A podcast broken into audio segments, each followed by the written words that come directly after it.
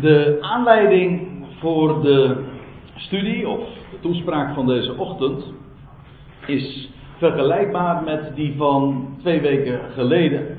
Toen hadden we het met elkaar over de, de rode vaars, de rode koe.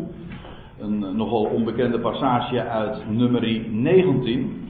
En de aanleiding toen was een studie die ik kort daarvoor had gehouden over over Hebreeën 9, studieserie die momenteel gaande is in Rijnsburg. En toen was dat zo in een studie op een donderdagavond aangestipt. Maar dat vond ik wat onbevredigend, omdat er zoveel meer over te melden is. En de aanleiding, uh, van, naar aanleiding daarvan heb ik toen een studie gegeven dus over nummer 19. Nu zijn we inmiddels aangeland in Hebreeën 10, dat wil zeggen in de bespreking daar dus in Rijnsburg. En dat was afgelopen donderdag. En toen kwam in Hebreeën 10 de, een, een, een citaat voor uit Psalm 40. En ik vond het ook wederom wat onbevredigend om alleen maar die, dat citaat te bespreken en niet de hele context van dat citaat. En toen dacht ik van nou ja, een paar dagen later spreek ik in Soetermeer. Ik had nog geen onderwerp vastgesteld, terwijl eentje in gedachten. Ik heb het toen gedropt en ik dacht, oh, Psalm 40 wil ik graag zondag gaan spreken. Want het is een schitterende psalm. Een uitgesproken messiaanse psalm ook. Dat blijkt niet alleen maar uit Hebreeën 10, maar ook als we de rest van het hoofdstuk erbij betrekken. En waarom ik het vooral zo'n prachtige psalm vind, is omdat we in deze psalm, in het midden daarvan, wat dus geciteerd wordt in de, in de Hebreeënbrief, dat je een, een inkijkje krijgt in het hart van de Messias, de zoon van David. Psalm 40 is een psalm van David, maar hij spreekt over de zoon van David, zoals dat van zoveel psalmen uh, gezegd kan worden. Petrus zegt van ja, David, dat was een profeet. En hij sprak niet over zichzelf, maar over hem die uit zijn lendenen zou voortkomen. Je moet dat maar eens lezen, bijvoorbeeld in Handelingen 2. Dat wordt in het boek Handelingen diverse keren zo uiteengezet dat die psalmen weliswaar van David zijn, maar gaan en misschien ook wel geschreven zijn naar aanleiding van gebeurtenissen in Davids leven. Dat zal zonder meer het geval zijn. Maar ze zijn, zoals dat dan heet, hyperbolisch. Ze zijn, ze zijn zo overtreffend in die zin ook dat ze uh, soms taalgebruik hebben. Waarvan men dan zegt van ja dat is zwaar overdreven. Dat is, uh, dat heeft een bepaalde naam. Ik kom er even niet zo direct op. In ieder geval, het is een bepaald type taalgebruik, heel gezwollen taal. Uh, die David of welke schrijver dan ook hanteert. Maar het is geen gezwollen taal. Het is zeer ter zake doende taal. Alleen geen betrekking hebben op hemzelf, maar het is profetisch. Het spreekt van, van hem die na hem zou komen. Wel, dat is Psalm 40. Laten we even een blik werpen op de totale psalm. Nee, dit kan u niet lezen, maar dit is dus om u een indruk te geven. Dit ziet u dus steeds in totaal 18 versen. In de Engelse vertaling is de indeling uh, wat anders trouwens. Dat is wat lastig, dat heeft maar 17 versen. Maar goed, wij, uh, wij lezen het in, uh, in het Nederlands. En dan valt de psalm heel duidelijk inhoudelijk uiteen in twee delen. Heel simpel, uh, vers 1 tot en met 11. Dat is, heeft als onderwerp de verhoring. We zullen dat straks vanzelf ook als we wat meer in de details ons verliezen gaan zien. Dat gaat over de verhoring op een op een uitroep, op een gebed, op een vurig gebed van, ja, van hem, van, van het onderwerp van deze psalm. De, de zoon van David dus. En dan het tweede deel, merkwaardigerwijs, want je zou een chronologisch gezien een, een precies een omgekeerde volgorde verwachten, dat gaat over een hulpgroep. Dus dit gedeelte is een antwoord op de vraag van dit gedeelte. Het is dus, zo heet dat met een mooi woord, retrospectief. Dat wil zeggen, het, eh, het uitgangspunt is uh, een antwoord dat de Messias heeft gekregen. Want ik zal u dit vertellen. Dit gaat over het, het antwoord op het hulpgroep van de Messias. Dit gaat over het lijden dat over de Christus zou komen. Dit gaat over. Nou, zei ik nu het lijden? Nee, nou heb ik een fout gemaakt. Zeg een grote fout. Dit gaat over het lijden dat over de Messias zou komen. Terwijl dit over de heerlijkheid daarna spreekt. Dus het is precies. Het gaat uit dus van de heerlijkheid van de Messias. Die opgestaan is uit de dood. Die opgetrokken is uit de kuil. Ik gebruik nou termen uit, van, uh, vanuit dit gedeelte zelf. En terwijl dit gaat over het lijden dat daaraan vooraf ging. De bespreking zal ik dan ook wat aanpassen. Uh, laat ik eerst nog even iets anders zeggen. Uh, het middelste gedeelte, de kern, het hart van dit gedeelte, dat, is, dat zijn deze woorden. In slachtoffer en spijsoffer hebt gij geen behagen. Gij hebt mij, gij hebt mij geopende oren gegeven. Brandoffer en zondoffer hebt gij niet gevraagd. En toen zei ik, zie, ik kom. In de boekrol is over mij geschreven. Ik heb lust om uw wil te doen, mijn God. Uw wet is in mijn binnenste. Dit is het binnenste van het psalm ook, de kern, het hart. Maar dat is niet alleen maar als je de, de, tekst zo even in het geheel neemt en dan is dit het centrum. Maar het is ook inhoudelijk het, de kern ervan. En dit is dus uh, precies de passage die geciteerd wordt in Hebreeën 10, vers 5 tot en met 7. En daar wordt uiteengezet. Ik trouwens, ik, uh, ik heb uh, niet één plaatje die daarna verwijst, behalve dan dit. Dat inderdaad in Hebreeën 10, en als u daar meer over wilt weten, zou u de, de studie van afgelopen donderdag nog eens na moeten lezen of luisteren. Maar in elk geval, in Hebreeën 10 wordt schitterend uiteengezet dat dit woorden zijn van de Messias. Wat ik nu vanmorgen wil doen is de bespreking iets aanpassen. Meestal begin ik gewoon bij vers 1 en eindig bij het laatste vers. Dat is normaal gesproken op de meest logische volgorde. Nu wil ik er even van afwijken. En dat is, ik wil eerst even ingaan en inzoomen op die, die kern van het psalm. Dat dus geciteerd wordt in Hebreeën 10. Waarvan gezegd, waar gezegd wordt dat dit spreekt van de Messias. Uh, en vervolgens wil ik spreken over het lijden dat over de Christus zou komen. Hoe hij zichzelf gesteld heeft tot een offerande. En vervolgens, als laatste, het eerste gedeelte. Dus met excuses dat de volgorde wat afwijkt. Maar in ieder geval, dit gaat dus over. Ik eindig dan met het antwoord dat God hem geeft. Door hem te trekken uit de diepte en hem te doen staan, te doen opstaan. Daar gaat dit gedeelte over. Dus het, de, deze predikatie, zoals een goede preek, valt uiteen in drie delen. Ja, zo hoort dat toch. Dus dat komt uh, in dit geval uh, heel goed uit. Laten we inderdaad eens naar dat middelste gedeelte gaan. Dat dus dat, geciteerd wordt in zijn totaliteit in Hebreeën 10. Wat staat daar? Daar zegt de Messias, en ik ga er op voorhand al even van uit, dat heb ik nu eigenlijk al even toegelicht, dit is een Messiaanse psalm, de Messias is aan het woord. Hebreeën 10 zegt dat expliciet van deze psalm, dus daar ga ik gewoon al even van uit dat dat uh, een duidelijke zaak is. Maar hij zegt daar dit. Hij zegt in slachtoffer en spijsoffer. Hier worden trouwens in deze psalm worden vier offers genoemd. En Kijk het maar eens na in het boek Leviticus. Daar worden inderdaad, daar is sprake van een viertal type uh, offers. In, in, de eerste hoofdstukken van Leviticus zie je dan het vredeoffer, dat was ook een slachtoffer, het spijsoffer en vervolgens het brandoffer en het zondoffer. In een andere volgorde, maar goed. Wat hier gezegd wordt door de Messias is, hij zegt, in slachtoffer en spijsoffer hebt gij geen behagen. Laat dit even goed tot je doordringen. Ook welke rol dit later dan speelt in het betoog van de schrijver van de Hebreeënbrief. Want dit zijn woorden in het Oude Testament. God die notabene zelf in de wet, in de Torah, had voorgeschreven dat men zou offeren. Slachtoffers, spijsoffers, brandoffers, zondoffers. Hier staat, het is niet wat u wil. En er staat in slachtoffers en spijsoffer hebt gij geen behagen. geen plezier.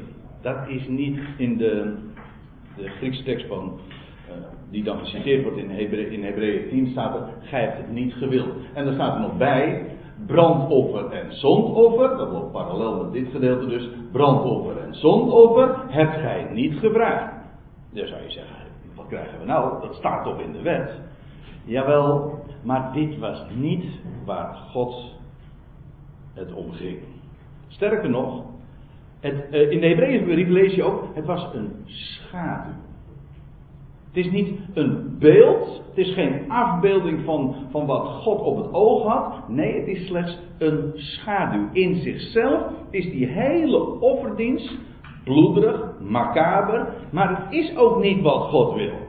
Het de enige echte betekenis is niet dat het iets doet aan zich, het verwijst, zoals een schaduw altijd verwijst naar iets. Ja, schaduw is duister, maar het verwijst naar licht.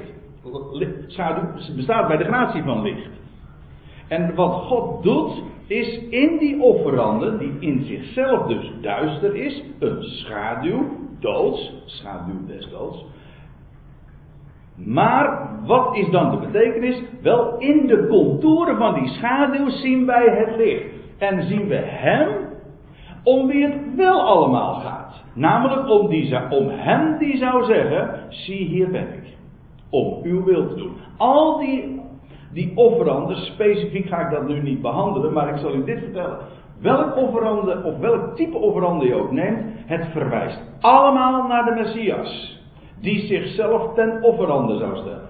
Waarbij ik er nog even opmerk, uh, dat, dat offer, die offerande niet alleen maar zijn slachting is, sterker nog, dat is nog niet eens het offer. De offerande is dat hij geslacht is, dat ging eraan vooraf. En vervolgens, na de slachting, steeg hij op, goden tot een liefelijke reuk. Dat is het offer. En daar spreken al die offers in alle mogelijke facetten en details, etc. Allemaal tot je dienst. Maar daar spreken ze van. Van hem die geslacht zou worden en daarna zou opstijgen tot God. Tot een liefelijke reuk. Daar ging het over in die offerdienst aan zich had God geen behagen, daar vroeg hij niet om. Dit zijn dus woorden die we niet pas in het Nieuwe Testament aantreffen, daar worden ze toegelicht. Maar we vinden dit dus al in het Oude Testament. Woorden van David in de Tenach. De Hebreeuwse Bijbel. Dit laat al zien dat dat slechts, die hele offerdienst, dat is het niet. Maar het gaat om hem die God geopende oren heeft gegeven. God heeft zijn oren geopend. God opent harten, God opent ogen, God opent ook oren. Hij heeft, heeft de oren ook geopend van hem die zou komen. En toen zeide ik, zie, ik kom. In de boekrol is over mij geschreven. Dus hier wordt, ja, hier, dit is David die dit componeert, maar hij spreekt over de zoon van David en die zoon van David die zegt, zie, hier ben ik, Heer. Die offeranden die in de tabernakel later in de tempel gebracht werden, dat is niet wat u vroeg. Dat is niet wat, wat u behaagt. Maar u hebt mij oren gegeven en geopend en ik luister naar wat u werkelijk te melden hebt. En hij zegt, hier ben ik. En hij heeft zich herkend in de boekrol. In, hij zegt, in de boekrol is over mij al geschreven. En dat is schitterend als je dat ziet in de evangelie. Hoe Jezus geprepareerd is in zijn, hele, in zijn jonge leven al. Hoe hij bezig was. Het enige wat we eigenlijk weten uit zijn jeugd, behalve zijn babyperiode als kleine jongen dat hij bezoek kreeg van de magiërs uit het oosten. Maar het enige wat we echt over zijn jeugd weten, is dat hij bezig was met de dingen van zijn vader. Dat is het enige wat we weten. Maar mijn zinziens is dat veelzeggend. Want dat was, hij was bezig met de schrift en op 12-jarige leeftijd wist hij de, de, dus de, de, de geleerden de, ze al, te verbijsteren en te verbazen met zijn enorme, niet alleen kennis, maar ook inzicht. En hij heeft gezegd, zie hier ben ik. In de boekrol is over mij geschreven. Kijk het maar eens naar. Juist de laatste dagen ben ik er nog mee bezig. Thuis aan tafel lezen we de geschiedenis uh, van de. momenteel van de, de Matthäus Passion, Passion, hè? de Matthäus 26, 27, 28, nee niet 28, maar in ieder geval het lijdensverhaal. En wat daar, of je het nou in Matthäus of in Marcus of in Lucas ook eh, leest, Johannes, iedere keer vind je dat Jezus voortdurend zegt, dit gebeurt opdat de schriften vervuld zouden worden. Ik zal u één voorbeeld geven. In Lucas 18, daar staat dit. Hij nam de twaalf terzijde. En dat is dus, dat gaat eigenlijk nog vooraf, voordat hij naar, ja, voordat hij naar uh, Jeruzalem ging, dat staat er ook. En sprak tot hen, zie wij gaan op naar Jeruzalem. En al wat door de profeten geschreven is, zal aan de zoon des mensen, de Ben Adam, volbracht worden. Want hij zal overgeleverd worden aan de natieën, de heidenen, bespot, gesmaad, bespuwd worden. En ze zullen geestelen en doden en ten derde dagen zal hij opstaan. En nagaan. Dat zegt hij dus allemaal van tevoren. Er zijn nou nog andere, uh, heel andere passages die soortgelijke dingen vertellen. Er staat daar nog wel, wel iets bij. En zij, de twaalf dus, begrepen niets van deze dingen. En dit woord bleef hun duister. Het kwartje viel niet. Je kan, je kan iets horen en het volstrekt dat er helemaal aan je voorbij gaat. Herkent u dat? Je kunt dingen zien, maar totaal eh, ziende, horende doof, ziende blind. Ja. Ze begrepen niets van deze dingen. En dit woord bleef een duister en ze wisten niet waarvan gesproken werd. Terwijl het meerdere malen gezegd is. Over de eenzaamheid trouwens van de Heer gesproken daarin. Hij, hij wist wat hem te doen stond. Hij wist wie hij was. En hij wist wat er in de boekrol, dat gaat over mij. Het zou een, een, een, geweldige studie op zich zijn om te laten zien hoe hij zichzelf al, dat, gewoon uit aan de hand van de evangeliebeschrijvingen, van Matthäus, Marcus, Lucas, Johannes, hoe hij zelf ook inderdaad demonstreert dat hij zich in de boekrol herkend heeft. En dat hij wist wat hem te doen stond. Hij wist wat er in Psalm 40. Hij zei, dat ben ik. In de boekrol staat voor mij geschreven. Nou moet ik nog even één passage, daar ben ik eh, vergeten erbij te betrekken. Want hij zegt dan nog dit. Hij zegt, zie ik kom, in de boekrol is over mij geschreven. Ik heb lust om uw wil te doen. Ik niet alleen maar ik ga uw wil doen. Ik heb lust. Ik wil, ik heb verlangen staat er. Ik heb verlangen om, de, om uw onderwijzing te doen. En, de, en uw wet is in mijn binnenste. In mijn, ja, in mijn hart. Het centrum, het midden.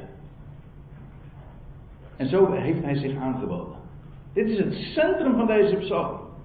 En, en dan staat er in de Hebreeënbrief eh, nog zo prachtig bij. Ja, brandoffers nog. Ja, ik heb nu ook even de berijmde versie nog in gedachten. Vroeger zongen we in de kerk. Ik zou het zo voor kunnen zingen, ik zal het u besparen. Maar uh, brandoffers, nog offers voor de schuld.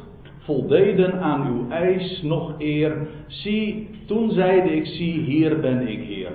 In de rol des boeks is voor mij geschreven. Dat is het. En zo heeft hij zich aangeboden. En dan staat dus, oh ja, dat wilde ik zeggen. In de Hebreeënbriefschrijver staat er nog bij. Hij heft het eerste op om het tweede te laten gelden. Een universeel Bijbels principe. Het eerste wordt weggenomen om het tweede te stellen. Dat wil zeggen, die, al die slachtoffers, vredeoffers, spijsoffers, zondoffers, brandoffers. Het wordt allemaal aan de kant geschoven. Dat is niet wat God vraagt. Maar hij, van wie de boekrol in geschreven staat, hij zal komen. Hij zal alles vervullen waar die brandoffers en dergelijke over spraken. Maar dat was het niet, dat was slechts een schaduw van hem. Het eerste wordt opgegeven, het tweede, daar gaat het om. Dat blijft staan. Nou, goed. Nou komen we in het tweede deel. We hebben nu dus even het centrum van die Psalm 40, uh, van dat Psalm 40 besproken. En dan gaan we vervolgens naar het laatste gedeelte van die psalm. Daar vinden we dus dat hulpgeroep van hem. Hoe het hem aan het hart is gegaan. Hoe hij, ja, want vergis u niet, hij wist wat hem te doen stond. Maar juist omdat hij het wist, hij was diep ervan doordrongen wat hem te doen stond. We zagen er net een voorbeeld van, maar nogmaals, er zijn vele voorbeelden van waarbij we dat geëtaleerd zien. Maar juist omdat hij het wist, ging dat hem zo enorm aan het hart. Hij wist bijvoorbeeld ook dat van zijn intieme vriendenkring allen hem zouden verlaten. Want, dat zegt hij ook, hè, Matthäus 26, want er staat geschreven, ik zal de herder slaan en de kudde zal verspreid, verstrooid worden. En als hij dan in Gethsemane komt, ze zijn in de opperzaal geweest, Judas is inmiddels al, heeft, stond, heeft gedaan wat hem te doen stond. In elk geval, dan komt hij Gethsemane en dan, dan neemt hij die drie vrienden van hem, de intimi, neemt hij mee. Die, die, die, hij vraagt hen nog speciaal te waken in dat bijzondere uur voor hem. En ze vallen in slaap. En dan bidt hij, o vader, indien het mogelijk is, neem deze drinkbeker van mij af. Maar niet mijn wil, maar de uwe geschieden. Tot drie keer toe. En, en hij, zijn, zijn zweet werd als, als bloeddruppels, lees je. Ik bedoel, hij was zeer beangst tot de dood aan toe. Zo staat het er. Juist omdat hij wist wat er allemaal ging gebeuren. Hij, hij kon het ook doen vanwege de heerlijkheid die hem voorgesteld was. Dat was zijn motief. Die hem zeg maar daar doorheen bracht. Maar denk daar niet gering over. Dat is afschuwelijk wat, ja, waarvan hij wist dat het ging gebeuren. Op uitgerekend die dag, die 14e Nisan, de dag van het, paas, van het. Goed, vers 2, eh, we, moeten er echt snel doorheen, want ik zie dat uh, we echt niet al te veel op de details kunnen ingaan. Maar goed, om een totaal overzicht te hebben over deze 18, 17 psal, uh, versen. Dan is in vers 12 dit. Hij zegt, Gij heren, onthoud mij uw erbarming niet. Uw goede tierenheid en uw waarheid mogen mij bestendig, voortdurend bewaren. En, want rampen omgeven mij zonder getal. Hij wist dat hij in die omstandigheden helemaal afhankelijk was van Gods goedtierenheid, zijn waarheid, die, waarvan immers in de boekrol geschreven stond. Dat, hij, dat die hem zouden bewaren. Want rampen omgeven mij. U ziet trouwens, in het letterlijk staat eh, eh, het woord kwaad in het meervoud. Dus eigenlijk kwade dingen. Kwade dingen. In, in welk opzicht dan ook. Dat wat mensen hem aandeden, maar ook de pijn, de fysieke pijn, de, de geestelijke pijn, etc. Dat omgeeft mij zonder getal.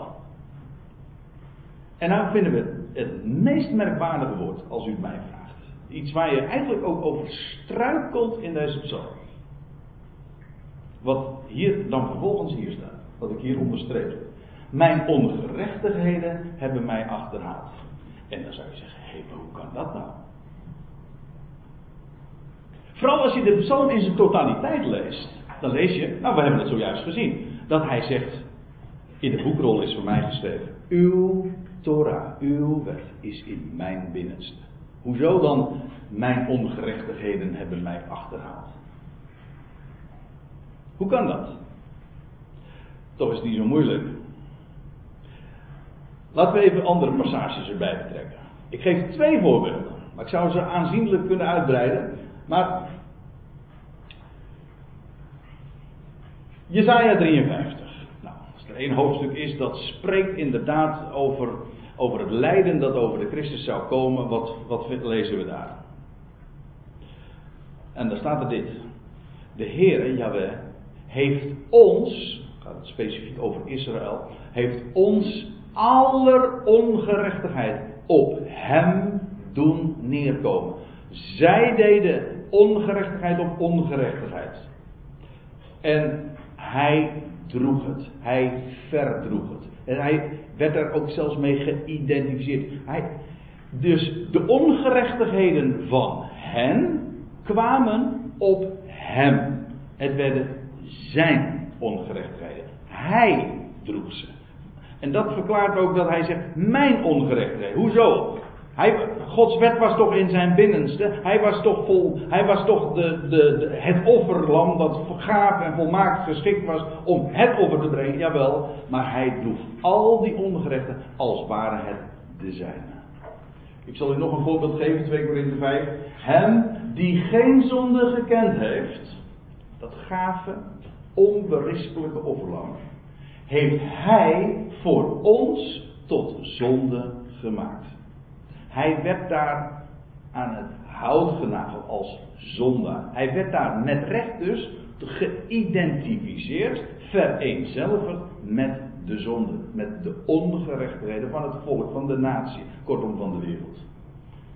Dat wij zouden worden gerechtigheid Gods in hem. Dus dat verklaart die woorden in, in, in Jezaja 40.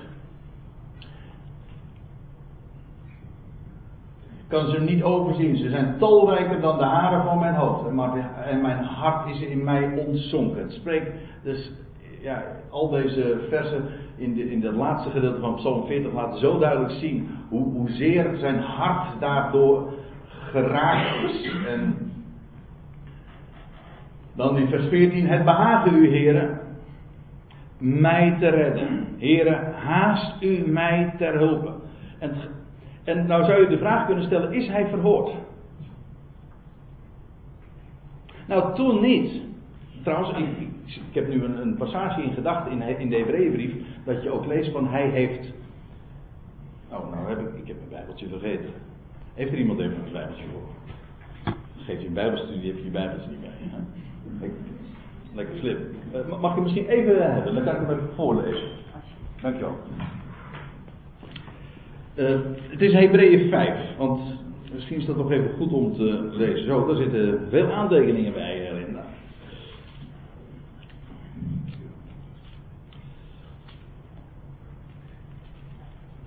In Hebreeën 5.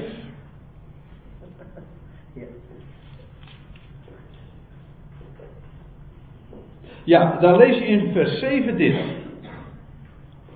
In de dagen dat hij op aarde was, heeft hij met luid geroep en onder tranen gebeden. Nou, en smeekbeden geofferd aan hem.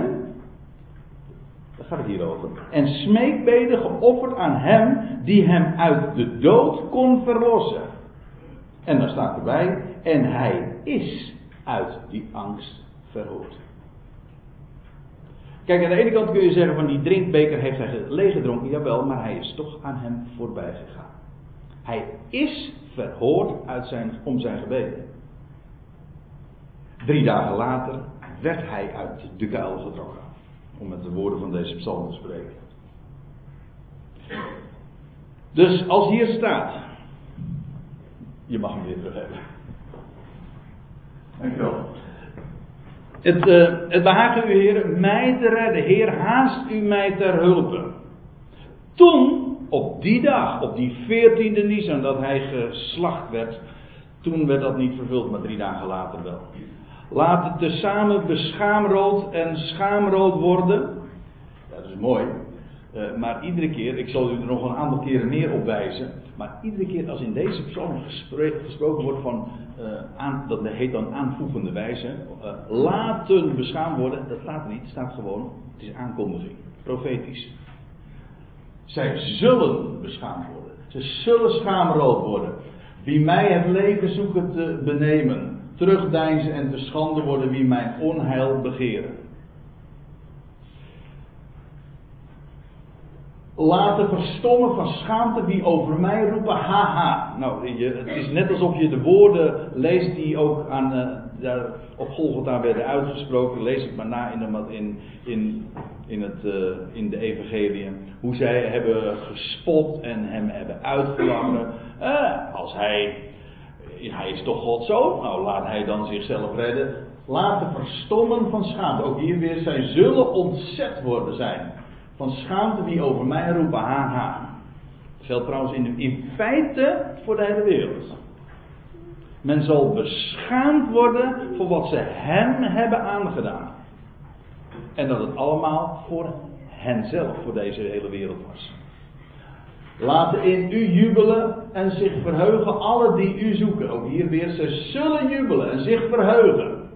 Het is maar geen wens, dit is een aankondiging. Ze zullen jubelen en zich verheugen alle die u zoeken. Laten, laten wie uw heil lief hebben, ook hier weer.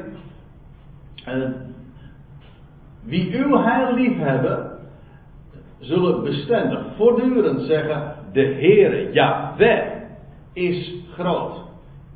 Ik heb hier een, u ziet dat eh, hier, in die Hebreeuwse tekst heb ik iets geel geasseerd. Waarom? Omdat hier het woordje Yeshua, dat is Yeshua.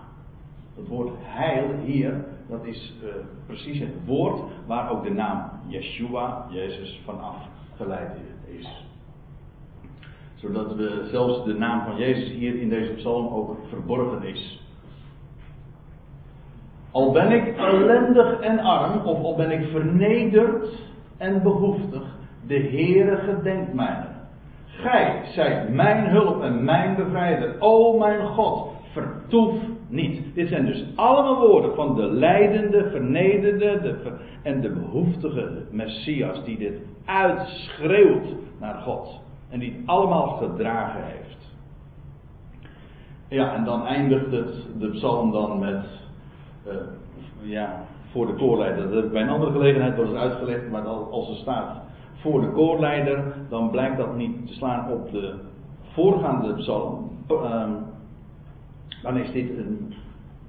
Kijk, in uw Bijbeltje staat dit uh, bij Psalm 41. Maar dit blijkt uh, eigenlijk bij de de, de 40ste psalm te worden. Doet nu voor het verhaal in feite geen, maakt geen verschil. Waarom niet?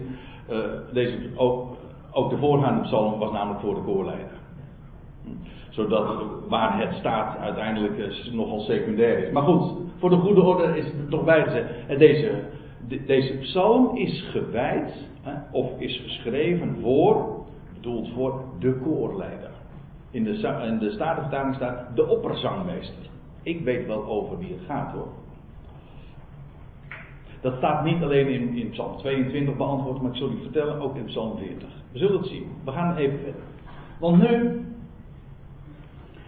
gaan we naar vervolgens het derde deel van deze psalm.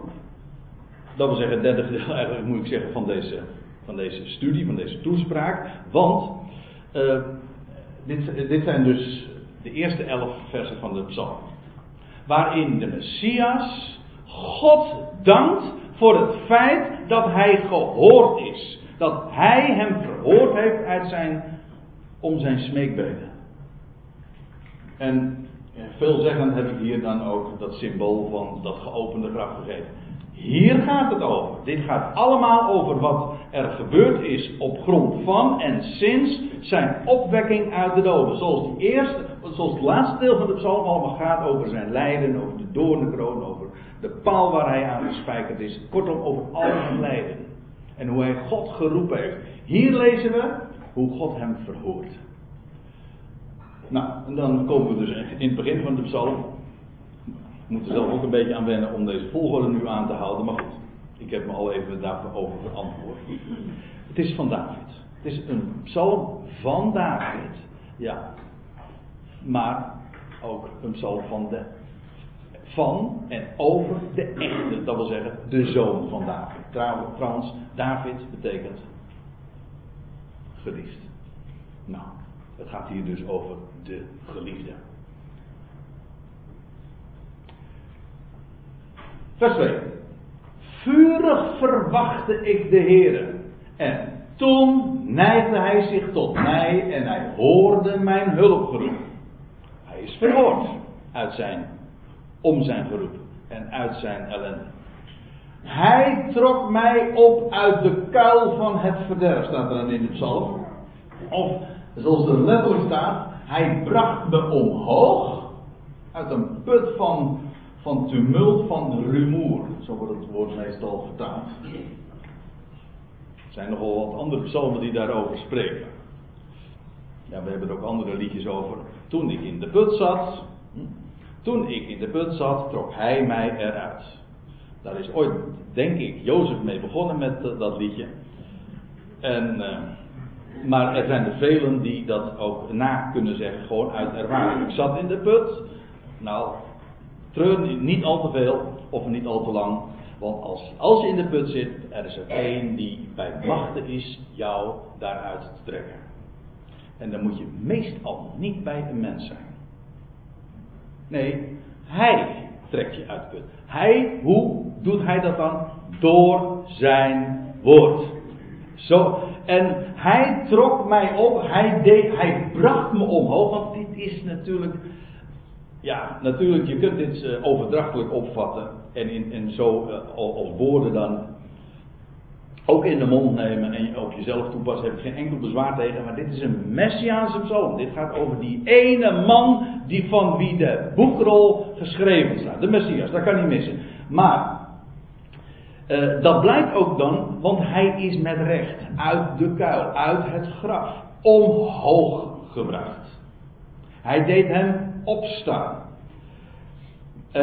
Uit, er staat dan, er zijn van verschillende van die parallele zinnen. Hij trok me uit de kuil van het verderf. Uit het slijk, uit het slijk, de, uh, de modder, de modderpoel.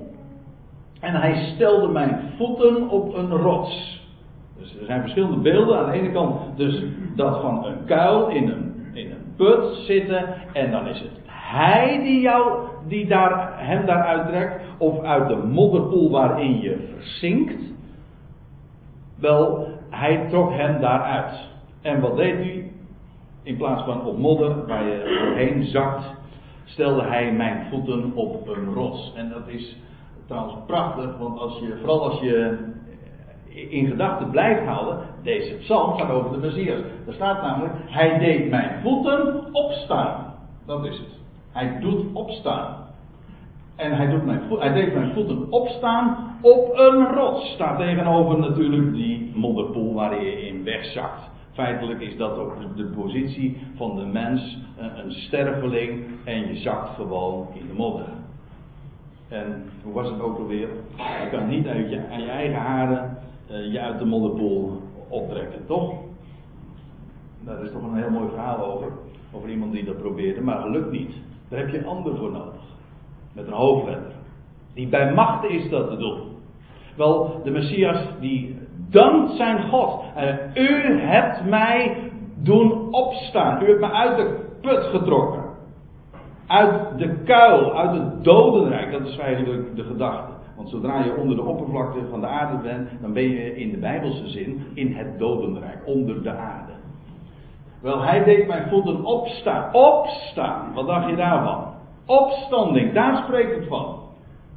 En op een rots. En terwijl de mens een sterveling is in de modderpoel, je zakt daarin weg. Wel, wat doet God? Hij stelt je voeten op een rots waar je op kan staan. Dat is wat een rots is, hè? waar je op kan staan. Ik bedoel dat inderdaad dubbelzinnig in alle opzichten. Hij, hij kan je daar doen opstaan, dat is één ding. De andere kant is, hij, dat is ook precies wat solide is, wat blijvend is. Alles in deze wereld dat vergaat, dat verzinkt, dat is nu één keer zo. Maar wat is geweldig dat we een God kennen die op een rots stelt. Die leven geeft dat onvergankelijk is, waar je van op aan kan, dat, dat blijvend is, waar je echt op kan staan. Een prachtig beeld. Hij maakte mijn schreden, staat er dan nog bij, vast. U ziet het hier. Soms is de weergave wat, ja, en oud-Nederlands, daar heb ik niet zoveel moeite mee, maar ook wat vrij. Hij bevestigde, established, hè, de, mijn voortgang. Dat wordt dan vertaald met schreden, maar het is eigenlijk uh, progressie. Het is voortgaan. Moet het maar eens een keertje nakijken in de concordantie, waar dit woord dan gebruikt wordt. En dat vind ik prachtig. Vooral als je, we blijven erbij. Het gaat hier over de man van wie de boekrol staat geschreven. Wel, de Messias. Heel de schrift spreekt van hem. Wel, wat doet God met hem? Nadat hij is verhoord uit zijn hulpgroep. Wel, dan is het dan zet hij zijn voeten op de rots. Hij doet hem opstaan, maar vervolgens hij bevestigt zijn voortgang. Dat wil zeggen, hij gaat verder, hij gaat voort en dat doet hij succesvol. Hij is die gelukkige man, die, die al wat hij onderneemt gelukt. Dat is de Messias die we kennen. Hij bevestigt mijn voortgang. Hij gaf mij een nieuw lied in de mond. Haha, daar hadden we het toch over. Over, die, over dit, deze psalm is gewijd en is bedoeld voor de koorleider. Ook dat is een, dat is een profetische gedachte. Het gaat over hem die de lofzang aanheft. Die een nieuw lied zal inwijden. Hij gaf mij een nieuw lied. Ja, het is ook een hele nieuwe situatie. Nieuw leven. Opstanding. Op de rots. Uit de modderpoel. Ben verhoord. Nu is er leven. Nieuw leven. En bij nieuw leven was een nieuw lied. Hij geeft mij dat nieuwe lied in de mond. En een lofzang aan onze God. De levende God. Die ook levend maakt. Daar gaat het over.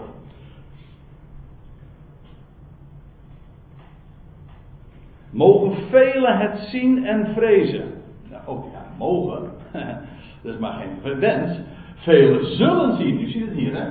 In, die, in, de, de concordante versie, zeg maar, in de meest letterlijke weergave staat er iedere keer: het is, aan, het is een aankondiging, maar geen wens. Velen zullen het zien. Velen zullen vrezen, ontzag hebben. En ze zullen de Heeren vertrouwen. Allemaal op basis van dat ene wat er gebeurd is. God heeft hem zijn hulpgeroep gehoord. En hij heeft hem uit de put getrokken en op de rots zijn voeten gezet.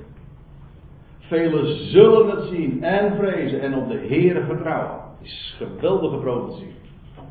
Welzalig de man. Ik had het net over Psalm 1 trouwens. Gelukkig. Die gelukkige man. Al, wat hij onderneemt gelukt, gelukt hem. Daarom is hij ook gelukkig. Maar welzalig de man. Maar ja, het is inderdaad uh, welzalig. Hier staat het gewone woord, het Hebreeuwse woord voor gelukkig. Maar eigenlijk staat hier niet de man, maar er staat hier de, de sterke. Of de meester. Ik zie niet het gewone woord voor man. Ik heb er geen moeite mee dat het er zo dan staat. Want hij is inderdaad die sterke. De sterke held. El Gibor. Lees je elders in de, over uh, in de profetieën over de sterke God en over de, de Hij die sterk gemaakt is. Gelukkig die sterke. Die de Heere tot zijn vertrouwen heeft gesteld. En die zich niet wendt tot de hoogvaardigen, nog tot hen die naar de leugen afdwalen. Hou het even in gedachten. De Messias, die helemaal zich heeft gefocust op wat er in de boekrol stond. En zich niet heeft gewend zijn oor niet, ja, zijn oren waren geopend, ja, voor wat? Voor de boekrol, voor de stem van God. En niet zijn oor geleend heeft aan alles wat er om hem heen gezegd werd. Want hij heeft in eenzaamheid die weg gegaan. Hij heeft niet geluisterd naar de, naar de, de orthodoxie, hè, de geestelijke leiding, de farisee, die weliswaar uh, de reputatie hadden de, uh, bezig te zijn met de schrift, maar het, ze waren ziende blind en horende doof. In wezen waren ze hoogmoedig. Door met, hun, hun, tradities hebben ze hem niet herkend. En ze hebben zich gesteld boven de schrift. En met hun, hoe staat het? Ter wille van uw overleveringen hebt gij dus het woord Gods ontkracht. Dat is toch hoogwaardig? Oké, het is oud Nederlands, maar het betekent gewoon hoogmoedig. Niet naar de leugen afdwalen. En zo, maar het is uniek hoor als je die weggaat. Denk nou niet dat als je die weggaat van de boekrol van wat er staat geschreven, dat je, daar, dat je daarmee scoort of dat je het in de wereld maakt. Dat je de stemmen mee kan winnen. Om eventjes in verkiezingstermen te spreken. Nee, als er één voorbeeld is eh, waaruit blijkt dat stemmen en meerderheden, dat wat in een democratie uiteindelijk doorslaggevend is, totaal niets zeggen en totaal niks te, uh, niets te maken hebben met waarheid, dan is de weg die de Heer zelf is. Hij ging de weg in de schrift, de boekrol. Ondanks alles. Niet alleen de, ja nou goed, dat kan betekenen dat men soms roept, Hosanna. Ja, maar Uh, het was maar zeer kort daarna dat men riep diezelfde menigte kruisigen. Kijk, dat is de volkswaan, maar dat is. De Heer wist het. Hij wist het. En op een gegeven moment lees je, dat was hij inderdaad populair en toen had hij een reden gehouden. En dan zegt deze reden is hard. En iedereen keerde zich van hem af. Dat de Heer zelf zegt, tegen zijn intimie willen jullie ook niet weggaan. En ze zijn ook inderdaad, in, toen het er echt op aankwam, kon hij daar ook niet van op aan. Of van zijn eigen, zijn vrienden. Het zijn meest intieme vrienden. Allen vluchten ze. Wel, maar hij had zijn vertrouwen niet gevestigd op, op wat mensen zeiden. Daar keerde hij zich in, de schriften. Woord van God. Dat spreekt van mij. Hij wist wat het te doen stond en hij is die weggegaan. Dat is de wil van God. Daar kom je nooit bedrogen mee uit. En nogmaals, dat heeft dus niets te maken met wat men zegt, integendeel staat altijd haast.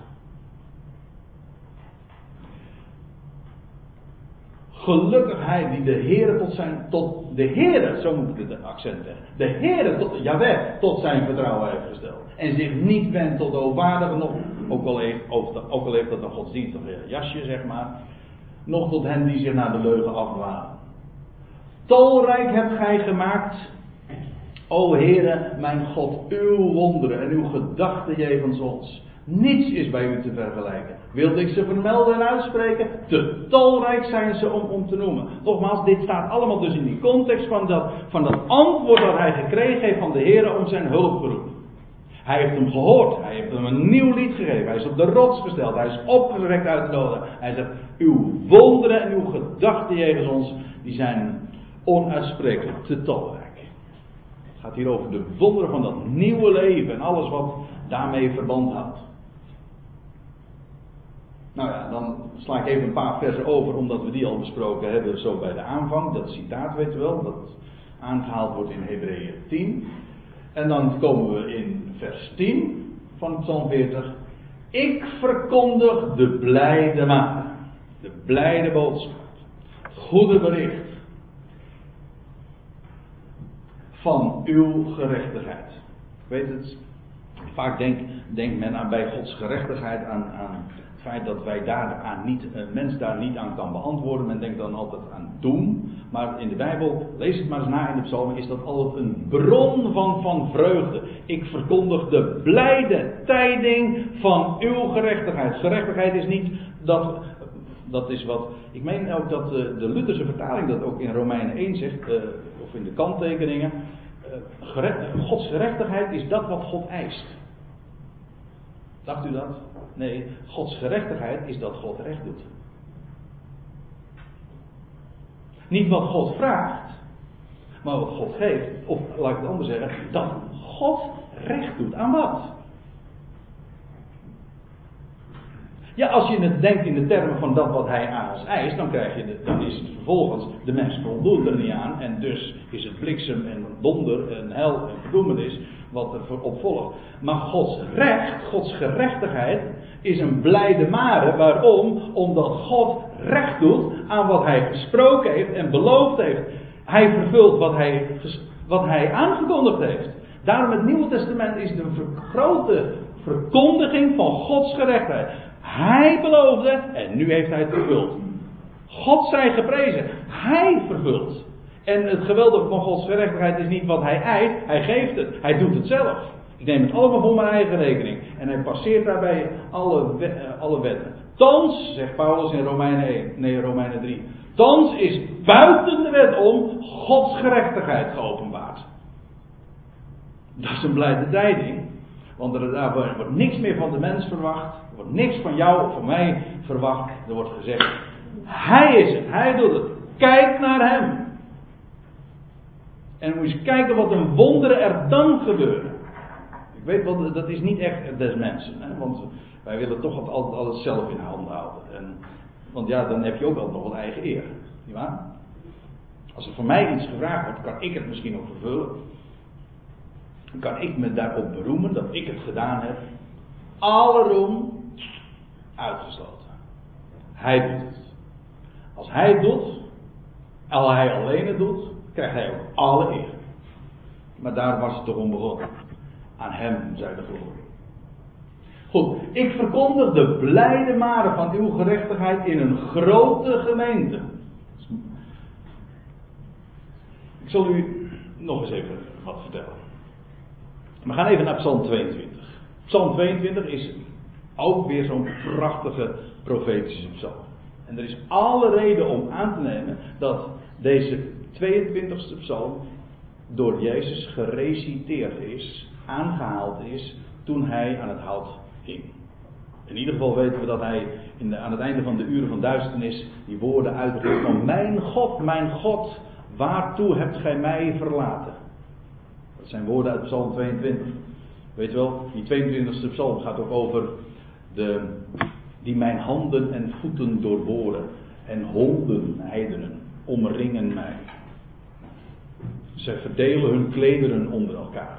Of mijn klederen onder elkaar. Die woorden. Psalm 22 is een psalm van David, maar ook zo'n messiaanse psalm. Die ook uiteenvalt in twee delen, namelijk het lijden en over de heerlijkheid. Nou, en dan lees je in de 22e psalm. En dan, die eerste 21 versen gaat allemaal over dat hulpgeroep.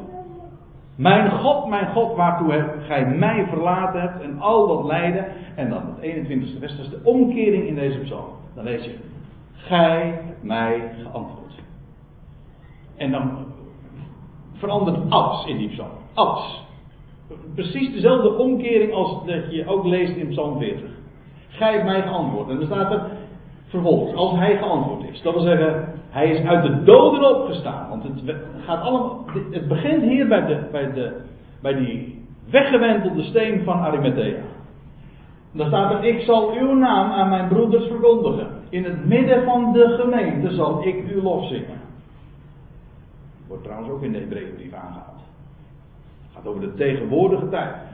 Hij heeft zijn naam aan zijn broeders verkondigd. In het midden van de gemeente zal ik uw lof zingen verborgen wijze, als het mij vraagt, spreekt het inderdaad van de tegenwoordige tijd.